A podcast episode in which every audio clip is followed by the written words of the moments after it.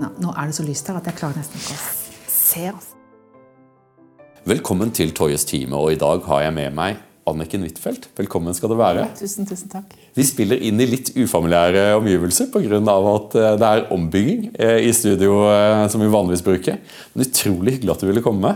Tusen takk. Det sies jo i Norge at utenrikspolitikk er noe som det ikke er noen stemmer i, og som man egentlig ikke trenger å bry seg så mye om, men nå er alt utenrikspolitikk. Og du kommer jo rett fra posten som norsk utenriksminister. Jeg vil gjerne starte litt med, med verdenssituasjonen.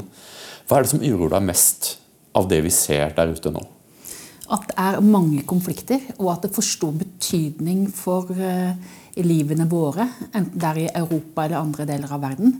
Uh, slik at uh, de konfliktene som kanskje er med på å forsterke hverandre, de får også en innenrikspolitisk betydning. Ja, fordi eh, Norge har jo hatt en veldig lang og betydelig rolle i fredsmekling mellom Israel og, og, palesti eh, og palestinerne. Og nå er det en ny, forferdelig krig som foregår på Gaza. Du har jobbet mye med Gaza-spørsmålet og Palestina-spørsmålet opp igjennom karrieren din helt tilbake fra tiden som AUF-leder. Hvordan ser du den pågående konflikten? Ja, Vi hadde jo folk fra Israel og Palestina på Utøya eh, rett etter Oslo-avtalen. Og vi skulle bidra til folk-til-folk-samarbeid. Ja. Så jeg har mange venner fra den tida. De fleste israelere er ikke engasjert i politikk lenger. Mm. Fordi at Israelsk politikk har tatt en helt annen vending. Men en del av palestinerne har jeg møtt igjen. Men de som har engasjert seg på den mer moderate sida, har fått mindre oppslutning den siste tida. Også venner som sitter i fengsel på palestinsk side. Mm. Så fra den optimismen som jeg husker, Eh, som er en del av den optimismen som vi hadde på 90-tallet, eh, til det vi ser nå, så er det jo bare helt bunnløst. Og jeg var jo der rett før. 30 eh, år etter Oslo-avtalen. Ja, ja, nettopp. Du var, der, du var, der, rett før. Mm.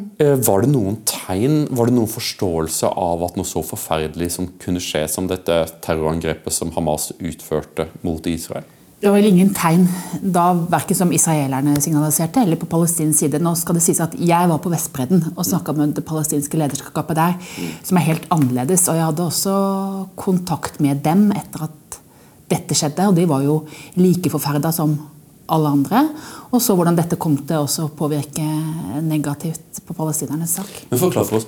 Eh, man har fått en konflikt mellom Hamas og Israel. Hvorfor har man ikke fått den type oppstandelse på Vestbredden hvor Fatah styrer, som det man tidligere har sett under, under tidligere eh, intifadaer? Er det, er det en konflikt mellom Fatah og Hamas? Det er jo en økende konflikt også på Vestbredden, fordi at du har fått settlere som er voldelige, som trakasserer helt ordinære palestinere. Mm. Slik at vi er veldig urolig for at denne konflikten da sprer seg.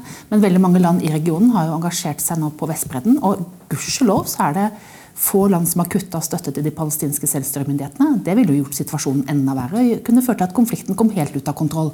Så nå må vi gjøre det vi kan for å stabilisere situasjonen på Vestbredden, slik at ikke dette blir enda verre. Men dette ser jo som, for meg ut som slutten på drømmen om en tostatsløsning. Hva, hva, hva ligger foran oss? Eh, er det en enstatsløsning der Israel inkorporere disse områdene med befolkningen eller uten befolkningen? Hva, hva er det som ligger foran oss? Hvis det skal bli en stat, så må det være et stat hvor folk har like rettigheter. Det betyr at palestinerne også må få stemmerett. Så Det er det som er det eneste alternativet til en tostatsløsning. Men det som har skjedd den siste tida, viser jo veldig klart at jeg tror ikke disse folkene kan leve sammen side om side i en stat.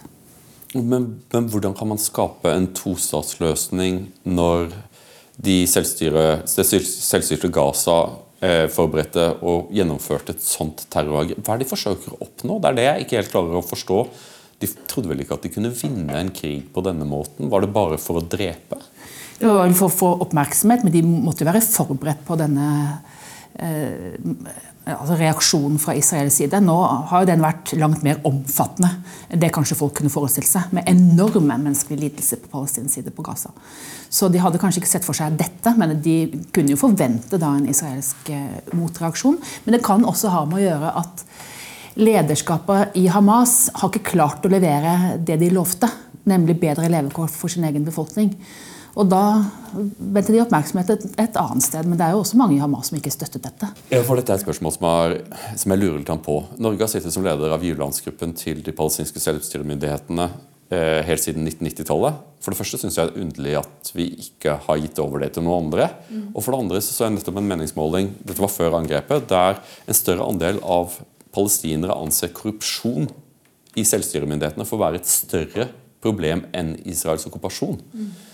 Hvordan kan Norge leve med dette at vi leder en giverlandsgruppe til en uhorvelig korrupt gruppe mennesker eh, i fatterbevegelsen, eh, og samtidig som at dette, vi Hvorfor har vi denne posten fremdeles? Altså Hvis det hadde vært slik at norske penger gikk direkte inn i korrupsjon, så ja. kunne vi ikke gjort det. Men Nei. det er ikke sånn det henger sammen. Nei. Det henger jo sammen at, at det er mennesker som gir goder til sine egne. Så det norske penger går til, det går jo til å bygge opp politi, bygge opp skattesystem, bygge opp skoler, bygge opp helsevesen. Og det er ikke sånn at palestinerne får det bedre hvis eh, skolesystemet rakner totalt. Mm. Så Det er jo derfor fortsatt vi har den oppgaven. Og så er det ikke sånn at Hvis Norge trekker seg ut, så vel, vel, da kommer det noen andre inn, og så går det bra. Altså, sannheten er vel at det er vel få andre enn Norge og EU som kan gjøre den, den oppgaven. da, Og stabilisere situasjonen. Ofte er det sånn at når ting blir gærent, så hvis du trekker deg ut, så er det ikke sånn at det nødvendigvis blir bedre. Situasjonen her har jo vist at det kan bli enda verre. Så det har vært viktig for oss å, å stille, kravet, stille krav. Da. Vi har jo også vært veldig tydelige med palestinerne på at det må avholdes valg. Det har ikke vært valg der på 18 år. Ja, Siste valg var i 2006, var det vel. Eh, men, at, ja, men, jeg forstår fremdeles ikke, for vi holder jo ikke pengene tilbake. Eh, Nei, Det bør vi absolutt ikke gjøre. Det vil jo være for totalt skadelidende for sikkerhetssituasjonen på Vestbredden, for forholdet til naboene. Ta Jordan. De er jo veldig opptatt av at hvis ikke Norge er der, hvem er der da? Hvem er det som, som stiller opp og bidrar til stabilisering i denne regionen? Så jeg vil advare veldig mot å si at bare vi trekker oss ut, så ja, ja, vi vil ikke være med på, på dette her lenger, ting går litt gærent, så skal vi bare si at nei, nå, nå er ikke vi med lenger. Alternativet til at Norge gjør den jobben, er at eh, økende grad av polarisering. Ja, det, ok, Men, og, det en, og, det er en, sånn voksen innsikt, jeg forstår det. Men hvordan kan Norge da ha nulltoleranse for korrupsjon? For det er jo, vi, har, vi har nulltoleranse for korrupsjon, samtidig som at vi leder en giverlandsgruppe på lang sikt til selvstyremyndigheter som er så korrupte at befolkningen synes at korrupsjon er et større problem enn okkupasjonen. Eh, hvordan, hvordan får ja, vi det til? Dette blir et litt enkelt resonnement. Ja. Jeg sier at norske penger det går ikke til korrupsjon. Og så følger vi jo med. Vi, vi, følger jo med på hvordan norske penger brukes. Og det følger EU med på, og andre donorer også. Så det går til å bygge opp en minimum av en stat. Og det er jo den veien vi må gå videre. Mm. Til å bygge opp en palestinsk stat, slik at de kan ta vare på sin egen situasjon. Det hvis, hvis sikkerhetssystemet på Vestbredden bryter sammen, ja, så lider alle under det. Ikke bare palestinerne, men også andre land i regionen. Men betaler vi ikke bare for Israels okkupasjon? Jo, det er et, eh, det er et eh, spørsmål.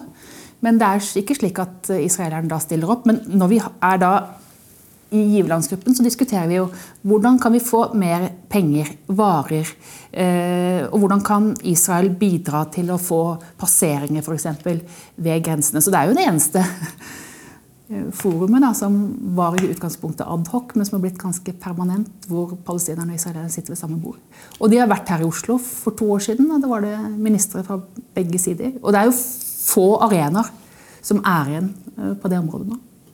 Men, men hvor lenge skal dette pågå for alltid? Jeg har vel vært opptatt av da, at det er jo ikke noen fredsprosess som Norge tar del i akkurat nå. Ja, nettopp.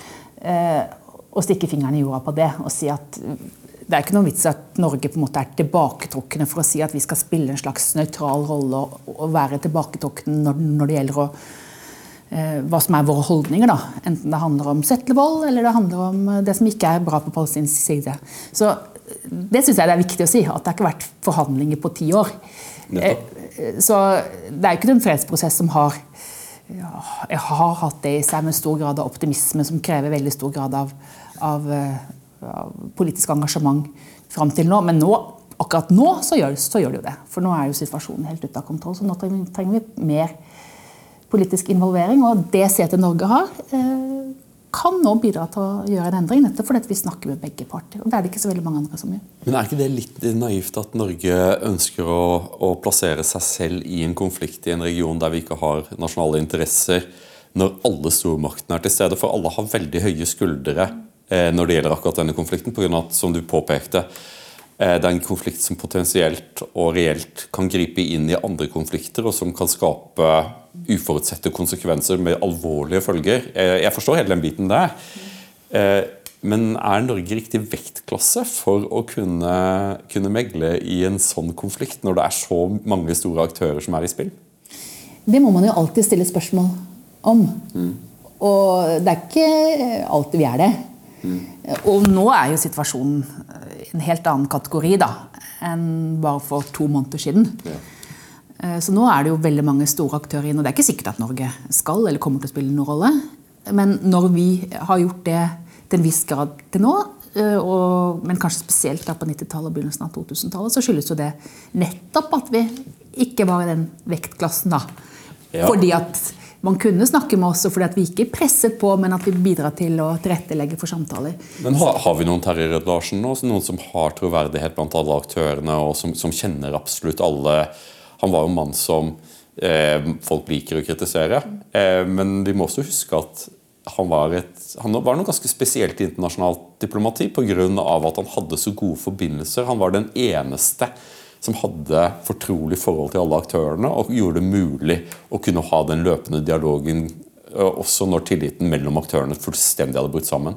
Har vi noen sånne nå? Vi har veldig mange sånne eh, norske diplomater i veldig mange konflikter i andre deler av verden. Som kjenner alle Eh, parter som prater med dem. Eh, og jeg blir ofte spurt eh, hva skal Norge gjøre for å presse? Og sannheten er at Norge kan gjøre veldig lite for å presse.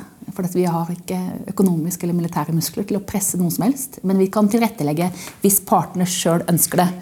Og Det er det som er liksom den norske modellen når det gjelder eh, fred- og forsoningsarbeid. Da. Enten det er i Colombia eller Nepal eller andre deler av verden. Og så lykkes vi noen ganger. Som regel mislykkes vi. ja, men av og til så lykkes vi. Og, ja. en, en, og når vi lykkes, så har det så enormt stor betydning for veldig mange mennesker. En av de uh, sakene som jeg vet du engasjerte deg mye i som utenriksminister, var fredsforhandlingene i Venezuela, hvor Norge spiller en tilretteleggerrolle mellom opposisjonen og, og regimet. Og hvor de nettopp skrev under en avtale på Barbados det var morsomt å se Norges eh, stedlige representant. Eh, det virket som at han svettet godt, for det, var, det virket som at det var veldig mange papirer som skulle skrives under av veldig mange aktører, så det var mye logistikk i det. Så det var, det, Nordmann var, hadde sånn hovmesterrolle, kanskje litt av sånn vi liker å se oss også.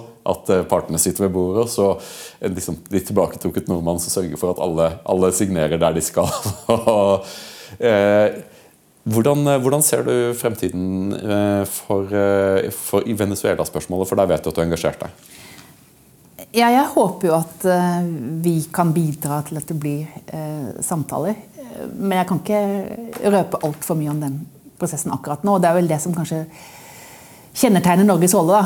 er at Mens andre går ut og tar æren eller analyserer på et tidlig tidspunkt, så holder vi lav profil. Så diskresjon er jo alltid en sånn forutsetning for å få til ting. Så hvis man da går til pressen og sier at nå skal vi arrangere forhandlinger, og Norge er så flinke som gjør det, så, så går det ofte ikke så bra.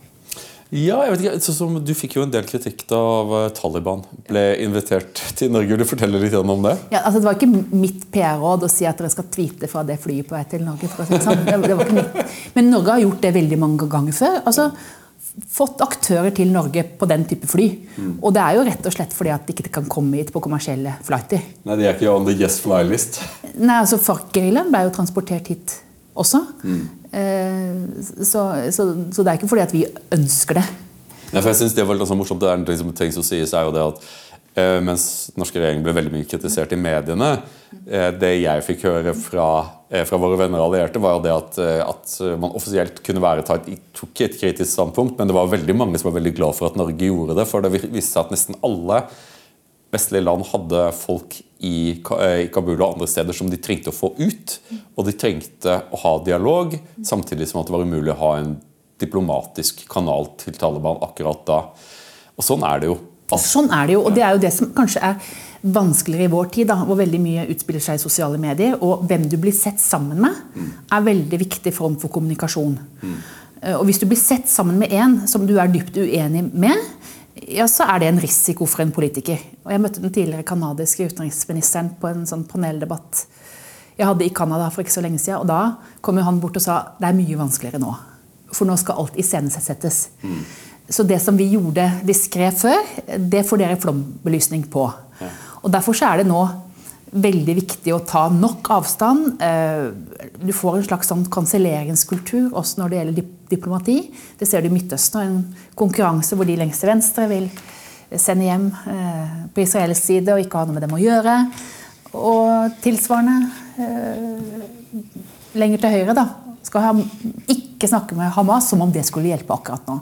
Så akkurat det er en utfordring akkurat nå at Norge eh, er vel et av de få land i verden hvor, hvor vi har ganske stor grad av tverrpolitisk enighet om at det skal være Norges rolle. Eh, Mens andre land ikke har det. Og hvor du på en måte blir tøff da, ved å si at nei, deg vil jeg ikke snakke med. Men det er jo det minst tøffe som fins. Hvis jeg skulle si Altså, jeg fikk jo kritikk for å møte Irans utenriksminister. Jeg gjorde det både i valgkampen for noen år siden. Da var det jo bilde da, at han ikke tok meg i hånda. Ja. Og da ble jo det sagt at jeg var eh, hva heter snikislamifisert. Et, et, et, et, eller annet sånt. Men altså, det er ikke mulig å ta en mann i hånda som ikke vil ta deg, ta deg i hånda. Det er helt umulig. Du møtte den iranske utenriksministeren, og så tok han deg ikke i hånda. Og da ble du anklaget for å, å være slik islamifisert, var det det? Ja, altså Han møtte også Erna Solberg, som var daværende statsminister, og Ine Eriksen Søreide, som var utenriksminister. Men det var ikke noe bilde fra den seansen, så det som er bildet, er jo at jeg står jo der da, og ikke tar han i hånda. Men for å si det sånn, det er umulig å ta en mann i hånda som ikke vil ta deg i hånda. Og Det skjer jo også i veldig mange andre settinger, med asiater f.eks., hvor man eh, har den type hilsen. Mm. Men, og jeg har blitt kritisert for å møte den iranske utenriksministeren da jeg satt eh, som utenriksminister, men jeg mener at det er utrolig viktig. For, for å framføre det som er norsk budskap. altså for å framføre vårt syn på kvinner og menneskerettigheter. Og det er jo, kan, kan jo være krevende, ubehagelige møter. Men det minst tøffe av meg vil jo bare si at nei, han nekter jeg møte, for det tar jeg avstand fra. Det er jo bare å iscenesette seg selv uten å få framført budskapet. Det er jo mye tøffere å framføre budskapet. Derfor så mener jeg at det er en utenriksministers fordømte plikt å møte dem man er uenig med, og si fra direkte.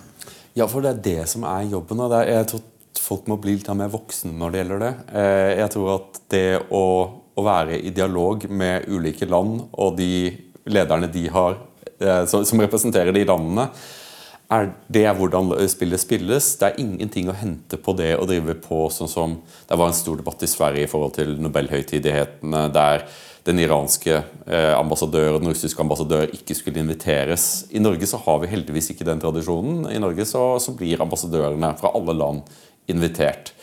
Eh, og jeg tror at det blir veldig farlig og vanskelig å drive diplomati hvis det skal være slik at eh, vi kan bare snakke med de som klarer å bestå ulike renhetstester. For, Det blir liksom kanselleringskulturen overført på den diplomatiske arena. Ja. Og ikke bare der, men også når det gjelder handel, som jeg ser i økende grad. Altså, norsk næringsliv er avhengig av å handle med hele verden. ja, Det vi har gjort mot Russland eh, med sanksjoner, det er et unntak. ja, svært, svært uheldig. Det var noe vi gjorde fordi at vi ikke ønsket å engasjere oss direkte militært. eh, Og fordi at vi sa at angriper dere et naboland, ja, så vil det få dramatiske økonomiske og politiske konsekvenser for Russland. Men det er ikke slik at jeg tror at det som handler om økonomisk boikott, at det får en direkte konsekvens for menneskerettighetssituasjonen i landet. Nei, det, er, ikke, det, er ikke ingen vei til. generelt, det, er ikke noe, det er ikke noe generelt redskap som fungerer bra. Og hvis vi skal gjøre det, og si at vi skal ikke ha idrettsarrangementer, vi skal ikke drive med handel med land vi er uenige med, ja, så tror jeg vi bidrar til økt grad av polarisering. Eh, Jeg tror det bidrar til eh, at det blir mindre dialog. Og jeg tror at Vesten nødvendigvis, og våre verdier ikke nødvendigvis vinner i den kampen. Helt riktig. og jeg, jeg kunne ikke være mer enig på. Jeg tror også at eh, man i ønsket om å isolere ulike aktører kan man ende opp med å isolere seg selv. Eh, og det er veldig uheldig, i alle fall et land som Norge, som er åpen frihandelsøkonomi. Eh, som har tjent veldig gode penger og har med fått mye prestisje gjennom å forholde seg til verden. Eh, hvis man lar denne kanselleringskulturen feste seg, så, så, tror jeg at vi kan ende opp med en stadig mindre gruppe av land som vi har gode forbindelser med.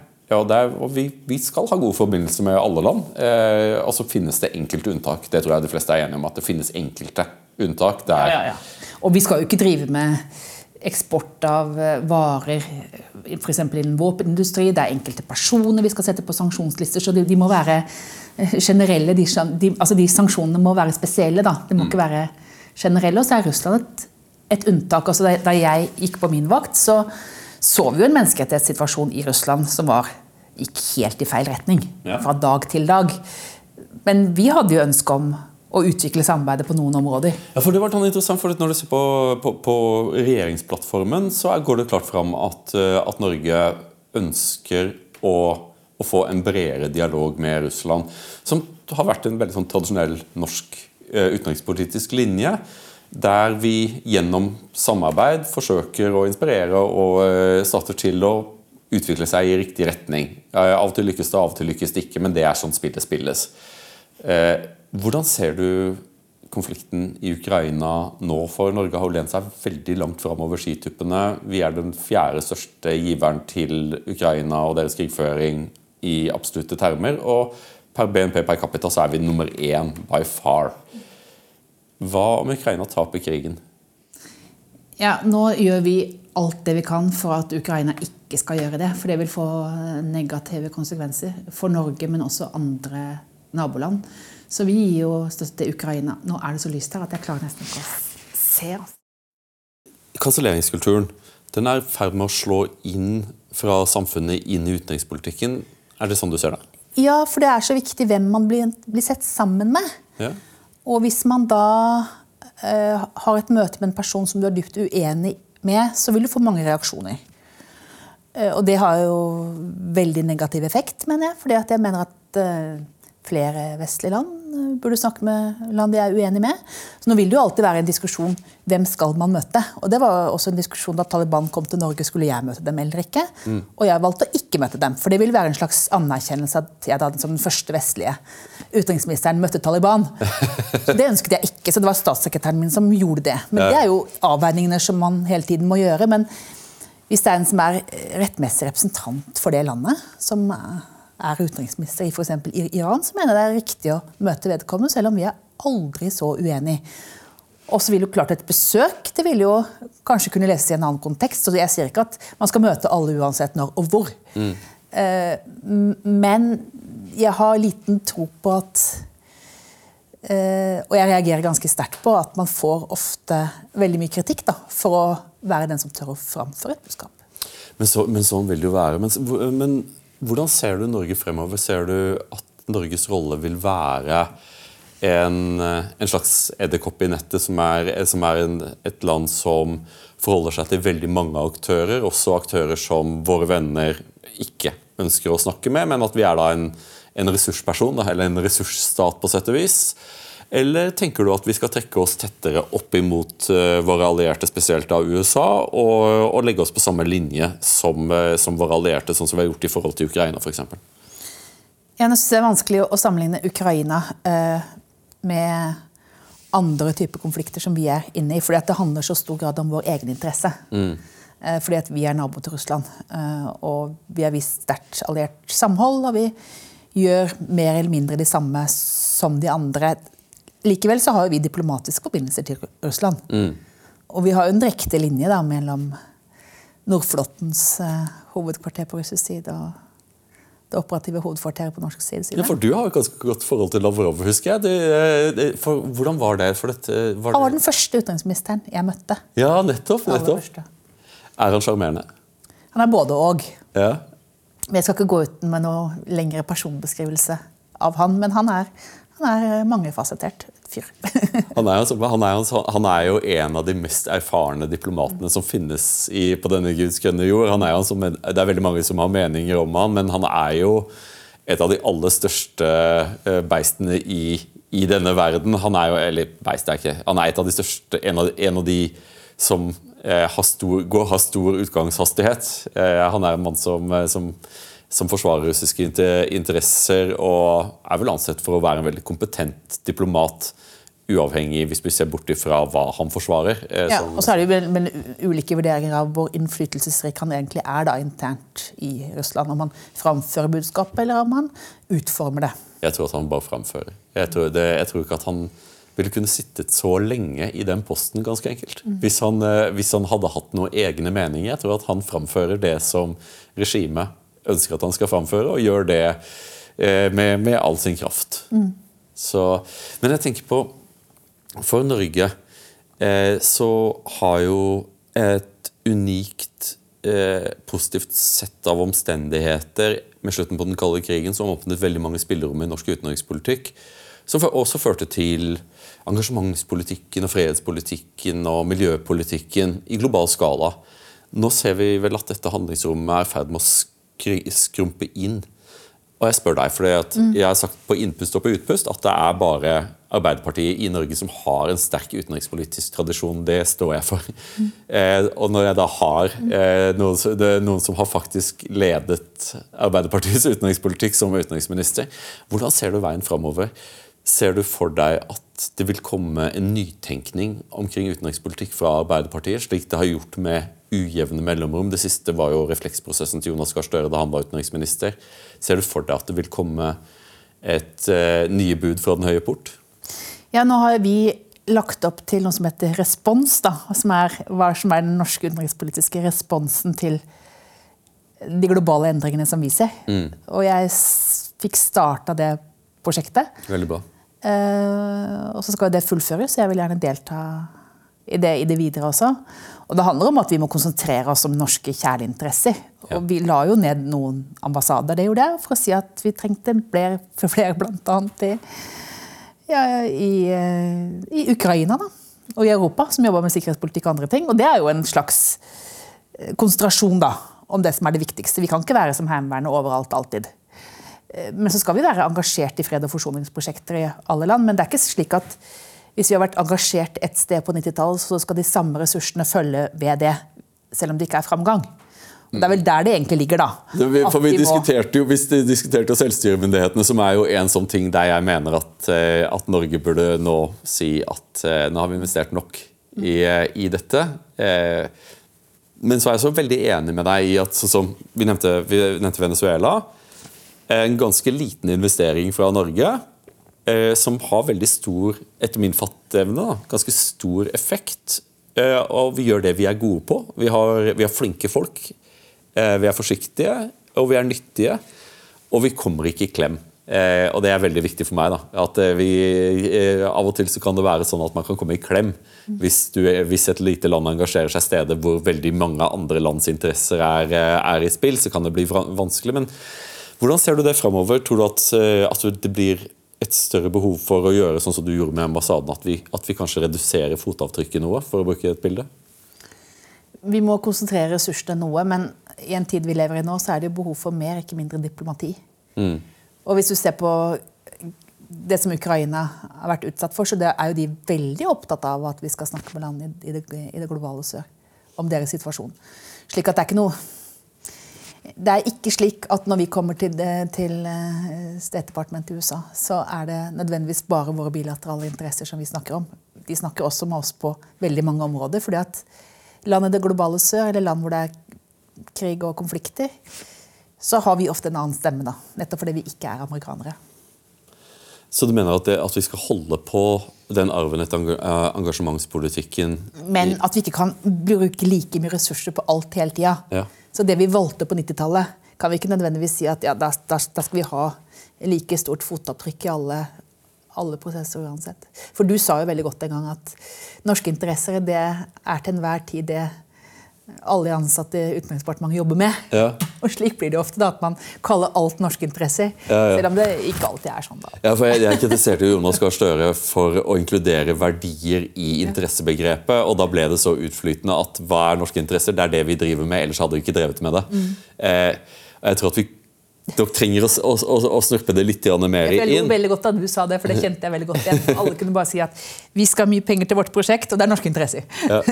Altså, jeg, har jo, jeg har jo også sagt, jeg er jo veldig skeptisk til, eh, til den veien vi har gått når det gjelder eh, Ukraina. For jeg tror at dette her kan brygge opp til å bli en av de største utenrikspolitiske katastrofene i moderne norsk historie. At vi har lent oss altfor langt fram i troen på at vi visste hvordan dette kom til å gå, og så gikk det ikke sånn. Og hvis Gud forby, virkelig Gud forby, Russland vinner denne krigen, så kommer vi til å være det eneste landet som har en grense med Russland, som har finansiert en krig mot Russland. Og jeg tror ikke at, russerne kommer til å, at det kommer til å forgylle forholdet vårt til russerne. Samtidig som Finland har gjort det. er jo andre land også med grense mot Ja, men ikke så mye som Norge. Norge er den fjerde største donoren. Og, og det som uroer meg her med, med Ukraina, er det at eh, hvis eh, dette ender opp med at i, igjen Gud forby, men det er tenkelig at, at Ukraina blir finlandisert. Altså at, eh, at, landet får bevare en ganske innskrenket form for suverenitet. Eh, og Norge har investert så mye i La oss være ærlige. Liksom. Det, er litt, det er samme greie som vi så i, i Afghanistan, samme greie som vi ser i, i, Palestina, som vi ser i Ukraina. Det er enorme mengder med korrupsjon som følger med denne bistanden. Ukraina er det mest korrupte landet i Europa. Det virker som at, denne, at, at enorm, de alle helikopterpengene som kommer fra alle, alle, land, med god grunn, med god grunn eh, overstiger statens kapasitet til å forvalte dem på en skikkelig måte. Det styrker grupper i dette landet, oligarkene, mer enn det det burde gjøre, og på lang sikt kan bidra til å utviklingshemme det demokratiet vi forsøker å forsvare. og Det er liksom en del av disse paradoksene som uroer meg her. da. Ja, men hva er alternativet? Jeg ville jo sagt at alternativet var eh, at vi jeg synes det er så morsomt, for Vi, diskuterte, vi har jo nulltoleranse for, eh, for korrupsjon. Og Det er jo ikke sånn at det bare er en retorisk greie. Det er jo et sett med handlingsregler som vi har satt, satt opp. Hvis vi fulgte de reglene, så ville vi eh, sannsynligvis eh, vært langt mer forsiktig med pengene vi overførte. Men nå har vi kommet til en sånn situasjon at statsministeren har sagt at vi skal overføre 15 milliarder kroner i året til Ukraina fram til 2027. Og det kommer vi til å overføre uansett hvor mye korrupsjon det er i Ukraina. Og da blir liksom det vi vet om at korrupsjon kan skade demokratiet Vi så det i Afghanistan, der regimet vi ønsket å støtte, ble så upopulært i sin egen befolkning, dels grunnet korrupsjon, at det bare kollapset da ikke vi var der lenger. Vi ser det i, i, i eh, Jeg tror at et, en del av bildet Det er et veldig komplisert bilde i Israel og, og Midtøsten, men jeg tror at en del av bildet er at de palestinske selvstyremyndighetene er så korrupte at de har levert altfor dårlig for sin egen befolkning. Men du kan ikke sette det i sammenheng med det som skjer på Gaza. Det, liksom, ja, det er en del av utfordringene der, men mm. det er også en del utfordringer knytta til israelsk politikk den siste tida. Jeg synes Du liksom hopper bukk over noen elementer der og trekker noen paralleller som ikke er helt gyldige. da. Altså, du ser bort fra okkupasjon av palestinernes land. Mm -hmm. ja, det, det, kan du på en måte ikke gjøre. Ja, ja, og, det, og, det, som har skjedd for palestinernes for på palestinsk side nå, er jo et angrep fra Hamas mot Israel. Mm. Og selvstyremyndighetene er på Vestbredden. Så jeg syns de parallellene jeg, jeg synes Du hopper og lager noen paralleller som ikke er helt gyldige. Men det er morsomt. Yes. Jeg, nei, jeg, jeg, jeg, tror at dette er en del av et bakteppe som vi veldig ugjerne ønsker å reflektere over. For dette, det blir veldig trøblete. For jeg forstår det at i enden av mitt resonnement så ligger jo isolasjonisme. Da kan vi ikke gjøre noen ting i det hele tatt. Altså Du kan ikke gjøre noe feil, så du skal ikke gjøre, gjøre noe.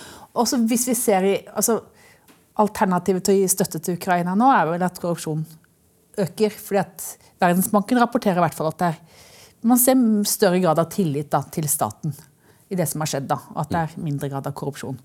Så Det er det vi forsøker å bygge opp nå. Men når det gjelder Afghanistan, så har vi den Afghanistan-evalueringa som ga egentlig ganske sterk kritikk da, til den humanitære hjelpa som ble gitt. At man bygde opp et system da, på sida av den staten som vi egentlig skulle bygge. Og at det kom inn veldig mye nødhjelpsvarer og som underminerte det lokale markedet. Så det er altså. utrolig viktig i Ukraina nå da, at ikke vi bare sender inn ting. Eh, som delvis er våre egne ting som vi skal bli kvitt, eller som vi skal få avsetting for. Ja. At vi kan bygge opp et ukrainsk marked. For det er, det helt, det er helt avgjørende for på lang sikt klare å få det landet til å reise seg opp og stå. Ja, jeg, jeg tenker jo at eh, det som ikke må skje, det som virkelig ikke må skje, mm. er Afghanistan i Ukraina. Ja, ja. Altså at, at det går ille, og, og, så begynner vi å krangle om hvem som egentlig har skylda. Eh, mens mens ukrainerne ender opp med ikke å få det demokratiet og den fremtiden som de har kjempet så hardt for og ofret så mye for, og som de virkelig fortjener. Mm. Eh, for det var jo aldri, liksom, aldri slik at eh, de fleste trodde at Ukraina ville vinne en heidundrende militær seier og gjenerobre alt. Eh, det ville være en fred et eller annet sted, men det var vi alle sammen enige om at det måtte være opp til ukrainerne å bestemme når de ville søke fred. Og Det er fortsatt vår posisjon. Men jeg er også urolig for at vi i Vesten kan være litt sånn troløse når ting begynner å gå dårlig. Mm, det er riktig. Og da, da, og da håper jeg jo at, eh, at, at Norge iallfall vil være en ansvarlig giver. Ja. Og Derfor må vi ha hele tiden de kritiske diskusjonene om hvordan humanitær hjelp skal gis. Da. Fordi at eh, det skal være basert på humanitære prinsipper, at du alltid skal redde liv. og det må være først uansett. Men hvis den humanitære hjelpen blir gjort i veldig, veldig mange år over tid, så kan det ha skadelige konsekvenser for et samfunn. Ja, for Det er jo sånn der, hva amerikanerne kaller eh, path dependency. Mm. At man ender opp i et spor, og så fortsetter man å gjøre og investere i noen ting som egentlig ikke fører noe sted. Mm. Og, av, og, av, og til så er det sånn at man må stå og løpe ut, og at dette er vanskelig, og så, og så kommer, man, kommer, man, til et bedre sted. Og av og til så må man også tror jeg, erkjenne at dette her går ingen vei. Mm. Eh, men jeg gleder meg til å se hva som kommer ut av denne responsprosessen. Når er det den skal levere sin rapport? Eh, nå husker jeg ikke helt hvilken dato det, det var, men vi skal be at de, om at de som er bidragsytere, at de lager papirer som kan disk diskuteres. Og skal være konferanser over hele Norge. Fanken heller, det er ingen som har spurt meg om å levere noe i dette. Nei, men Jeg har invitert deg på aller første konferansen, og du var jo der. Jeg var det. Ja. Nei, men det, jeg, jeg syns det, det, er flott, for jeg, jeg tenker jo at eh, noen må tenke utenrikspolitikk i Norge, og, og det er slik at eh, Norsk politikk handler om norske anliggender, og det skal den gjøre. Og Det er egentlig bare Arbeiderpartiet som har liksom den tradisjonen for å tenke de store tankene om Norge i verden og liksom legge ned de der eh, Tegne veikartet for hva vi skal drive med. Og Jeg er ganske sikker på at vi trenger et nytt veikart nå, så jeg, jeg gleder meg veldig til å se hva som kommer ut av, av dette. Ja, det gleder jeg meg også til. Og så har vi jo da bidratt til et sånt globalsenter som skal se på stormaktsrivalisering. Og så skal det et forskningssenter til uh, som vi skal etablere, som skal handle om økonomi. Og det er nettopp fordi at vi trenger også mer et kunnskapsbasert utenrikspolitikk, og at de som forsker på disse områdene, skal ha noen sånn forutsigbare forskningsrammer. Bare tenk på det miljøet som er bygd opp om Russland for 30 år siden. Ja. Det har jo bestått uh, gjennom Russlandsenteret. Så det har vært veldig viktig også å etablere sånne forskningssentre i samarbeid med forskningsinstitusjoner. Men det, det, er også en av de tingene som jeg, som jeg virkelig satte pris på eh, med deg som utenriksminister. fordi eh, jeg kan si det, du kan ikke si det, men jeg, jeg syns at NUPIS, Norsk utenrikspolitisk institutt, ble stadig mer perifert og irrelevant for norsk utenrikspolitikk. De drev på med mye bra forskning, men ikke kanskje Jeg syns det ble stadig mer perifert. Og det å trekke NUPI tilbake som en ikke-statlig, uavhengig forskningsaktør som driver med forskning som er av nytte for norsk utenrikspolitikk, sånn som, sånn som med dette stormakts- eller geopolitiske senteret. Veldig bra, veldig tilhenger av det. Du husker at Jeg hadde studentstipend på Institutt for forsvarsstudier da jeg gikk på historie. Og jeg, jeg vet, du, du er egen... Som en del av forskningsbasert øh, øh, diskusjon i forsvarspolitikken, så har de vært unike, vil jeg si. Ja. Og spilt en så viktig rolle for måten Forsvarsdepartementet har har drevet forsvars- og sikkerhetspolitikk de siste årene. Så det er også ønske om at eh, Utenriksdepartementet også skal få det, da, et uh, sterkere forskningsmiljø rundt seg til å levere altså politikkrelevante uh, stoff. da. Ja, for Det er en ting, en ting, som jeg tror mange ikke vet om deg. At du egentlig så er du jo forsker. Du har jo hovedfag i historie.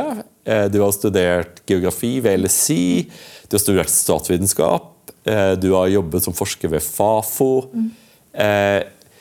hvordan eh, var det å komme inn i UD som øverste leder med en del kunnskap? Fordi det er jo ofte sånn i norsk politikk at statsråder kommer til departementet med en ganske rudimentær forståelse av, av de dype spørsmålene.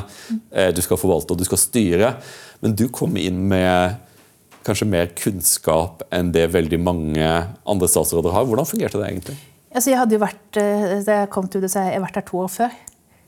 alle sa, når var du her? Når jeg satt i første etasje i arkivet og leste gjennom arkivbokser fra 60-tallet. Men det var ikke innafor porten, da, liksom. Så det hadde jeg gjort. Eh, så jeg studerte studert liksom, norsk utenrikspolitikk etter krigen. Jo, men jeg hadde jo jobba lenge med det på Stortinget. Ja, for du ledet Men jeg, jeg må jo si at fordi at øh, øh, jeg er utdanna historiker, så vet jeg at det du skriver det kan, det, det, Alt kommer for en dag. 30 år er allting kjent. Da åpnes arkivene. og Hvis det er sikkerhetspolitisk interesse, er det 50 år. Så hvis jeg skulle skrive på disse dokumentene, så tenkte jeg at nå sitter det kanskje noen om 30 år og skal lese det jeg skrev nå.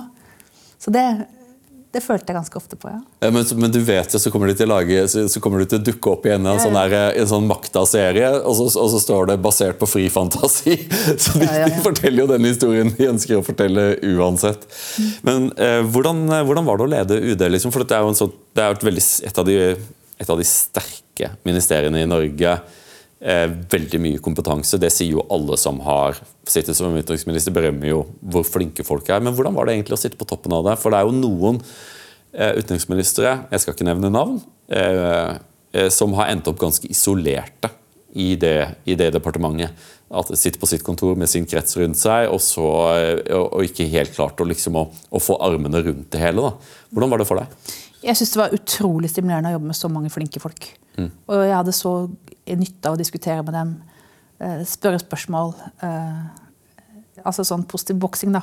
Som, hadde, som de er de fremste ekspertene. Altså, vi snakker om forskere som kanskje har eh, spesialisert seg på et område i mange år, men her er det folk som har jobba med aktørene da, over flere år og sett sett hvordan en sak har utvikla seg. Og så er det jo det med UD også, at folk skifter område. At man blir litt generalist. Altså Det er noen som spesialiserer seg veldig. Ja. Men de fleste er generalister og går fra et område til et annet. og Det er også ganske stimulerende sammenlignet med andre departementer, da, hvor det kanskje er noen som har jobbet der i 20 år. og Det gir jo fagkompetanse, men uh, altså I et annet departement så jobber du kanskje i en avdeling i 20 år, og det har veldig mange fordeler, for da kan du hele historikken. Men i UD så er det veldig mange som har jobba med en del av det samme. Da, for man skifter beit etter noen år, og når man får en ny jobb, så får man en litt ny energi. De reiser ut, ikke sant, og så Ja, ja. kommer de tilbake igjen. og sånn. Ja, det- Men det som er Og så, kommer de til å, men vi snakker ikke nok om Frankrike. Vi, Ja. ikke sant, for når du var fire år i Paris, og så er det sånn Men ingen, hvorfor bryr vi oss ikke om Frankrike? Og så tar det litt tid før de forstår at eh, vi snakker bare ikke så veldig mye om Frankrike. Og så reiser de ut, da. Men det som er den største endringa i, i, i Utenriksdepartementet, og det å lede Utenriksdepartementet de siste årene, det er at det er blitt et beredskapsdepartement. Ja. Fordi det er så mange kriser. Og vi bare evakuerte jo flere ambassader tror jeg, de siste to årene enn vi hadde gjort de siste 20. Eh, nordmenn skal hjem. Eh, så det har vært Eller det er kriser eller det er naturkatastrofer, og du skal ha folk hjem av en eller annen grunn. ikke sant? Så at du har et sånt senter som ofte setter krisestab, ofte må eh, engasjere seg til alle døgnets tider, de tar imot telefoner fra hele verden, det er den største endringen. da. Og sist nå vi fikk nordmenn hjem fra Gaza. Jeg tror jeg snakket med en av dine tidligere undersåtter eh, i UD når jeg forberedte meg til denne samtalen. her, eh, og Så spurte jeg liksom, hva, var det som karakteriserte Huitfeldts eh, styre i UD, og så, eh, og så sa han at, at de, er, eh, de, er, de er utrolig lojale. Men så sa liksom at nei, jeg vil egentlig ikke kommentere på det, men hvis det skulle være noe, så er det sånn at enkelte utenriksministre er veldig opptatt av å vise hvor flinke de er. Altså at, eh, at, eh, at du aldri får snakket ut, for de skal vise at de, at de, også, at de også kan mye. Og andre er livredde for å bli fersket i at de ikke kan, at de ikke kan noen ting, så de er veldig defensive og litt an, eh, piggende ut. Mens det som karakteriserte deg, mente han, var at, eh, at, det var, at døra var åpen, at det var genuint arbeidsfellesskap. Da. Du var sjefen, eh, men du var, til å, du var interessert i å høre hva folk hadde å føre til, få informasjonen inn, og at det var vennlig. Og det var jo litt sånn hyggelig, og, hyggelig, og, eh, hyggelig skussmål, syns jeg egentlig. Ja, det var hyggelig. ja, men ja, det er veldig irriterende, da. Folk som skal snakke mest sjøl. Ja. Men det er jo sånn Og imponere.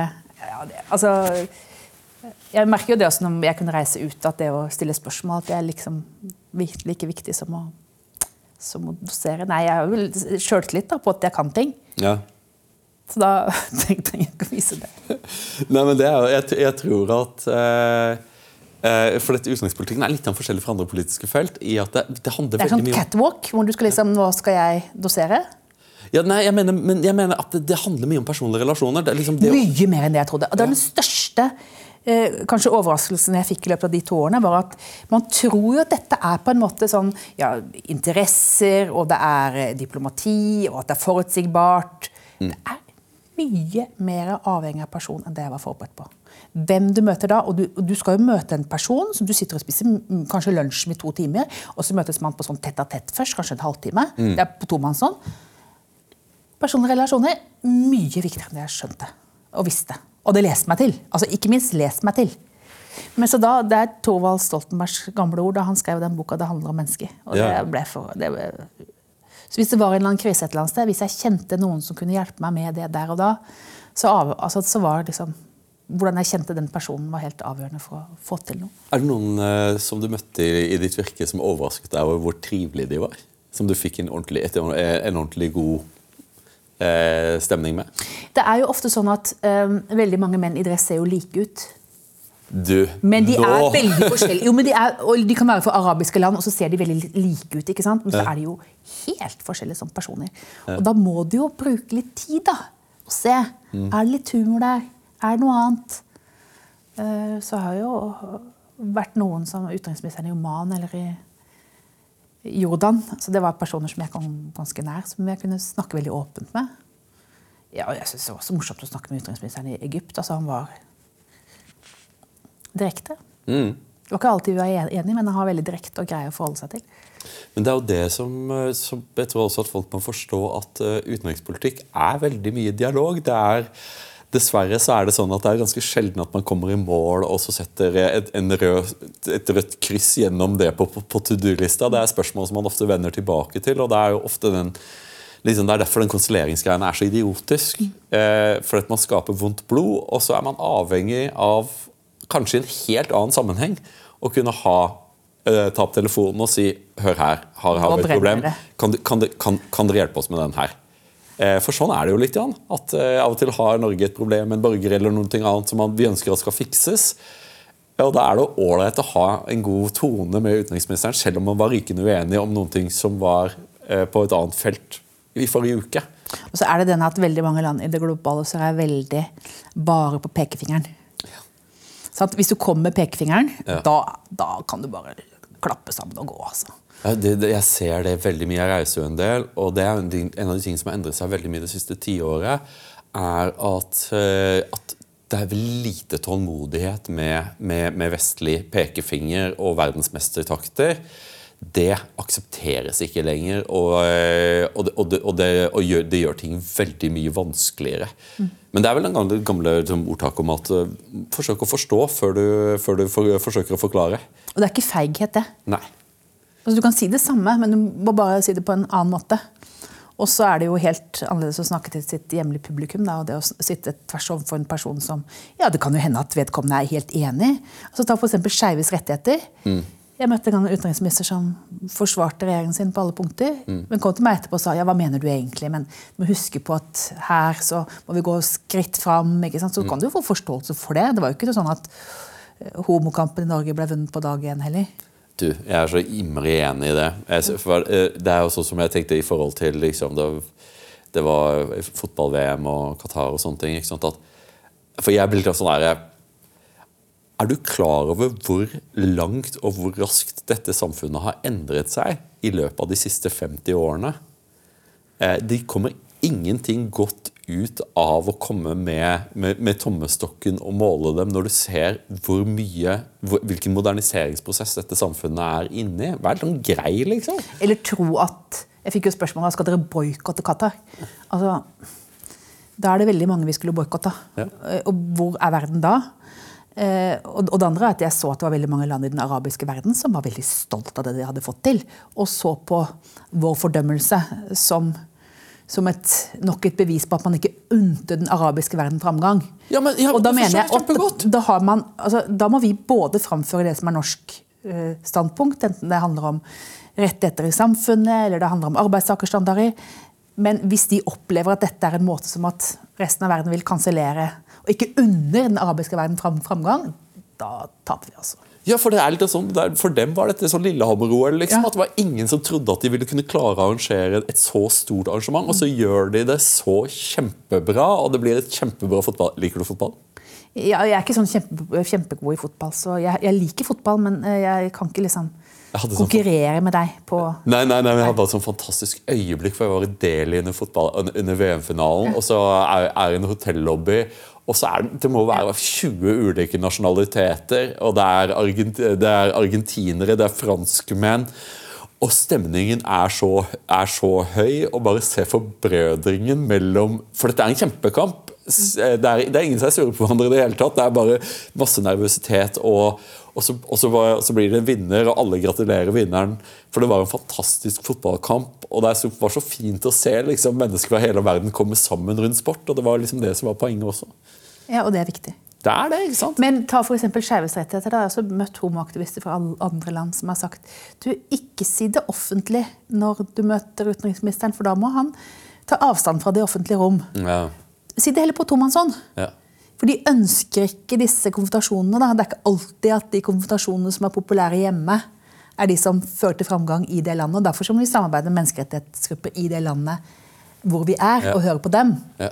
Derfor så er var det viktig for meg også å møte, møte representanter. Men det var også, vel, også litt av din, av din stil som utenriksminister at du drev ikke så veldig mye utenrikspolitikk for, eh, for, eh, for, for et norsk publikum. At du lot, eh, du lot statsministeren styre, styre landet, mens, eh, mens du, du skjøttet UD. Nei, jeg vil si at det var viktig for meg å ha kommunikasjon med norske pub- publikummet. Jeg reiste veldig mye rundt i Norge. Det Gjorde var så det? store... Ja, jeg gjorde, jeg gjorde det. Det var altså en avis som hadde telt opp at jeg hadde vært like mye i Nord-Norge som i Brussel. Herlig Og mente at det ikke var bra, men eh, jeg trodde jeg det ikke var bra. da. men vi, du, men vi, vi, må snakke om elefanten i, i rommet. Vi må snakke om Iver Huitfeldt. Han Han elefanten i rommet. Ja. Han er elefanten i rommet. For eh, eh, folk, folk, uh, forbi, uh, folk, folk vet jo at Huitfeldt-navnet er, et- er et gammelt navn. Men jeg tenker liksom at siden vi har Ja. en representant fra Huitfeldt-familien, så må vi snakke om Iver. Kan du, ta, eh, kan, du snakke, kan du fortelle litt om hvem var Iver Huitfeldt? Ja, først, først vil jeg si at både faren min og sønnen min heter Iver. Ja. Uh, og vi var på sånt svært uh, jubileumsfeiring i Danmark for, for noen år siden. Og han var da, som veldig mange nordmenn var, i den danske marinen. Det var jo stort sett nordmenn. Og så ble hans skip beskutt, og så, og så ankret han opp da, dette skipet istedenfor å gå i land for, for å redde de andre skipene i den danske marinen ved Køkebukt. Var det en sånn kortversjon? Det var en kortversjon. Eh, eh, Det er jo en norsk forsker eh, som heter Magnus Håkenstad. ja. Som ved siden av å være kanskje den fremste eksperten på norsk forsvarsplanlegging ved IFS, Ja.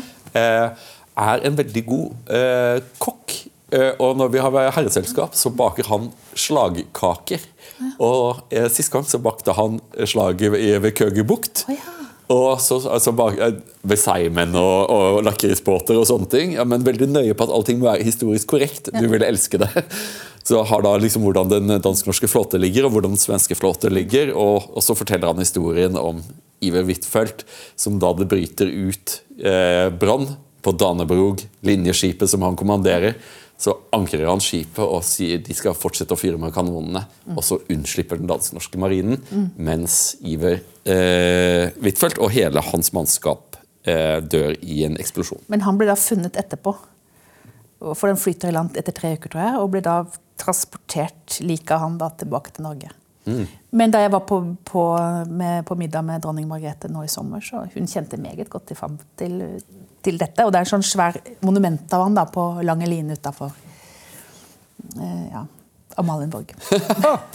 Så det, ja, det er jo ikke Men det var jo, han var jo egentlig ikke noe helt i sin samtid, men det var jo noe som Danmark fant fram til igjen under nasjonalismen på 1800-tallet. Var det det, ja? Så det var ikke sånn at de hyllet han rett etterpå, men det var liksom Nå må vi ha noen danske helter. Og da ble det nordmann, da. Ja, så jeg var veldig sånn overrasket over at, eh, over at uh, Iver Huitfeldt vokste opp i relativ fattigdom, født i Halden og vokste opp på Hurum.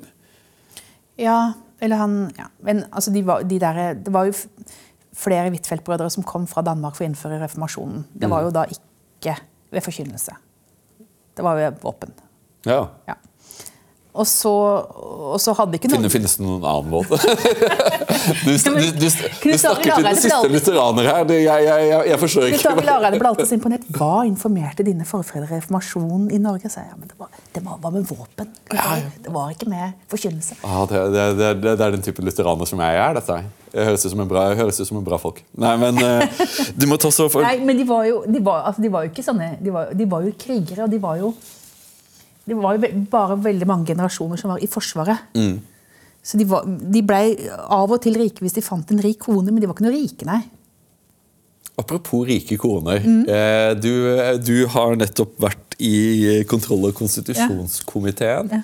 Jeg skal ikke spørre deg om, eh, om avgangen som, eh, som utenriksminister, for det har du vært veldig tydelig på at det er, eh, det var, er, er statsministeren som avgjør. Mm. Og, og det er sånn det er. Eh, men eh, har du sett Veep, den, den humorserien?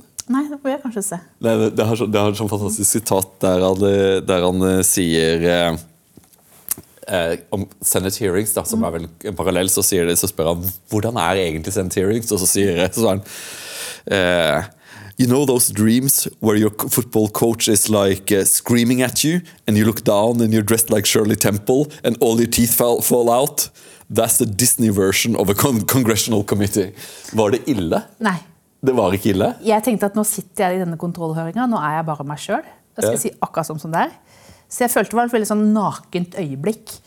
Eh, Det hadde sikkert vært litt annerledes hvis jeg hadde fortsatt vært utenriksminister, men jeg tenkte at nå er det bare eh, Nå skal jeg oppleve, fortelle sånn som jeg opplevde det. Og det er jo ikke en Jeg mener at den feilen som jeg gjorde, er en feil jeg lever med. Og jeg hadde det- det jeg hadde gjort den samme feilen igjen hvis jeg hadde fått den informasjonen som jeg hadde. Ja, hva, hva er dette her? Jeg må spørre deg, for dette, liksom, dette her blir jo veldig sånn intrikat Mm. og veldig detaljert. Og for meg så virker det rimelig smått. For det virker, din mann hadde 40 000 kroner i aksjer i et selskap, jeg husker ikke hvilket I. Kongsberg to måneder i sommer. Ja, ok, greit. Som, jeg kan, som kan ha gjort meg inhabil, men det er ikke sikkert jeg har vært inhabil.